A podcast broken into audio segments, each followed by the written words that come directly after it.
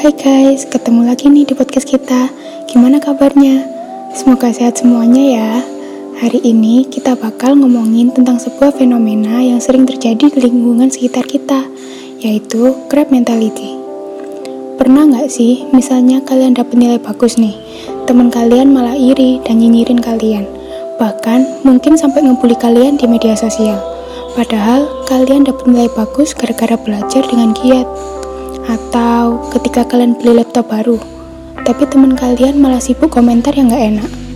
Nah, itu dia yang dimaksud dengan crab mentality alias mental kepiting. Crab mentality adalah sebuah fenomena di mana ketika ada seseorang yang berhasil atau sukses melakukan sesuatu, orang lain malah berusaha menjatuhkan orang tersebut.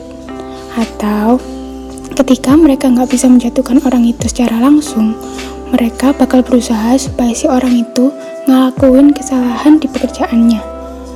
Istilah crab mentality sendiri itu berasal dari perilaku kepiting, di mana ketika kepiting dimasukkan ke dalam ember tanpa tutup, tidak akan ada kepiting yang kabur. Karena ketika ada satu kepiting yang hampir berhasil keluar dari ember, kepiting-kepiting lainnya akan menariknya kembali ke bawah. Nah, fenomena crab mentality ini biasanya didasari oleh rasa iri, malu, harga diri yang rendah, cemburu, kebencian yang subjektif, dan sifat kompetitif yang tidak sehat. Kalau bahasa gampangnya, crab mentality itu kayak kalau aku gak punya, kamu juga gak boleh punya. Kalau aku gak bisa, kamu juga gak boleh bisa. Toxic kan?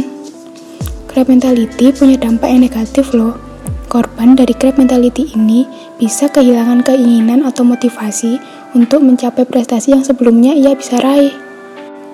Hal ini terjadi karena ketakutan bahwa jika ia meraih prestasi tersebut, akan ada orang-orang yang tidak senang dan menyerang dirinya secara verbal maupun emosional. Selain dampak pada korban, pelaku crab mentality ini pun terkena dampak negatif, seperti menyalahkan keadaan, iri hati berlebihan, tidak bisa bahagia melihat orang lain berhasil, tidak bisa menghargai usaha dan tekad orang lain. Nah, jika kalian sadar bahwa kalian ada di lingkungan yang seperti itu, ada beberapa tips yang bisa kalian lakukan untuk menghadapi crab mentality. Bagi korban, kalian bisa berusaha untuk tidak terlalu ambil pusing dengan perkataan orang lain. Kesuksesan diri sendiri itu nggak bergantung dari omongan orang lain, apalagi sekedar nyiran dari orang iri. Tetapi, kalian juga harus evaluasi diri. Bisa dengan refleksi diri sendiri, ataupun bisa dengan cross-check ke orang-orang yang kalian percaya. Apa benar yang diomongin sama orang nyinyir itu? Kalau ada benarnya, kalian bisa jadiin hal itu sebagai pembelajaran untuk membangun diri, menjadi lebih baik lagi. Tapi ingat, evaluasinya harus objektif ya. Tetap fokus dengan target kalian dan tetap berusaha membangun diri ke arah yang positif. Sedangkan bagi para pelaku, yuk diubah deh mindsetnya.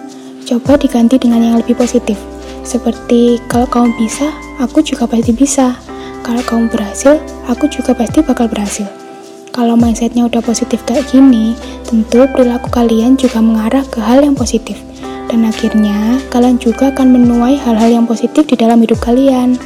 Selain itu, jangan lupa buat minta maaf sama orang-orang jadi korban nyinyir kalian ya biar nggak ada dendam.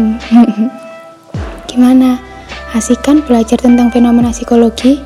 Coba dilihat di lingkungan kalian. Ada gak nih yang mentalnya kepiting kayak gini?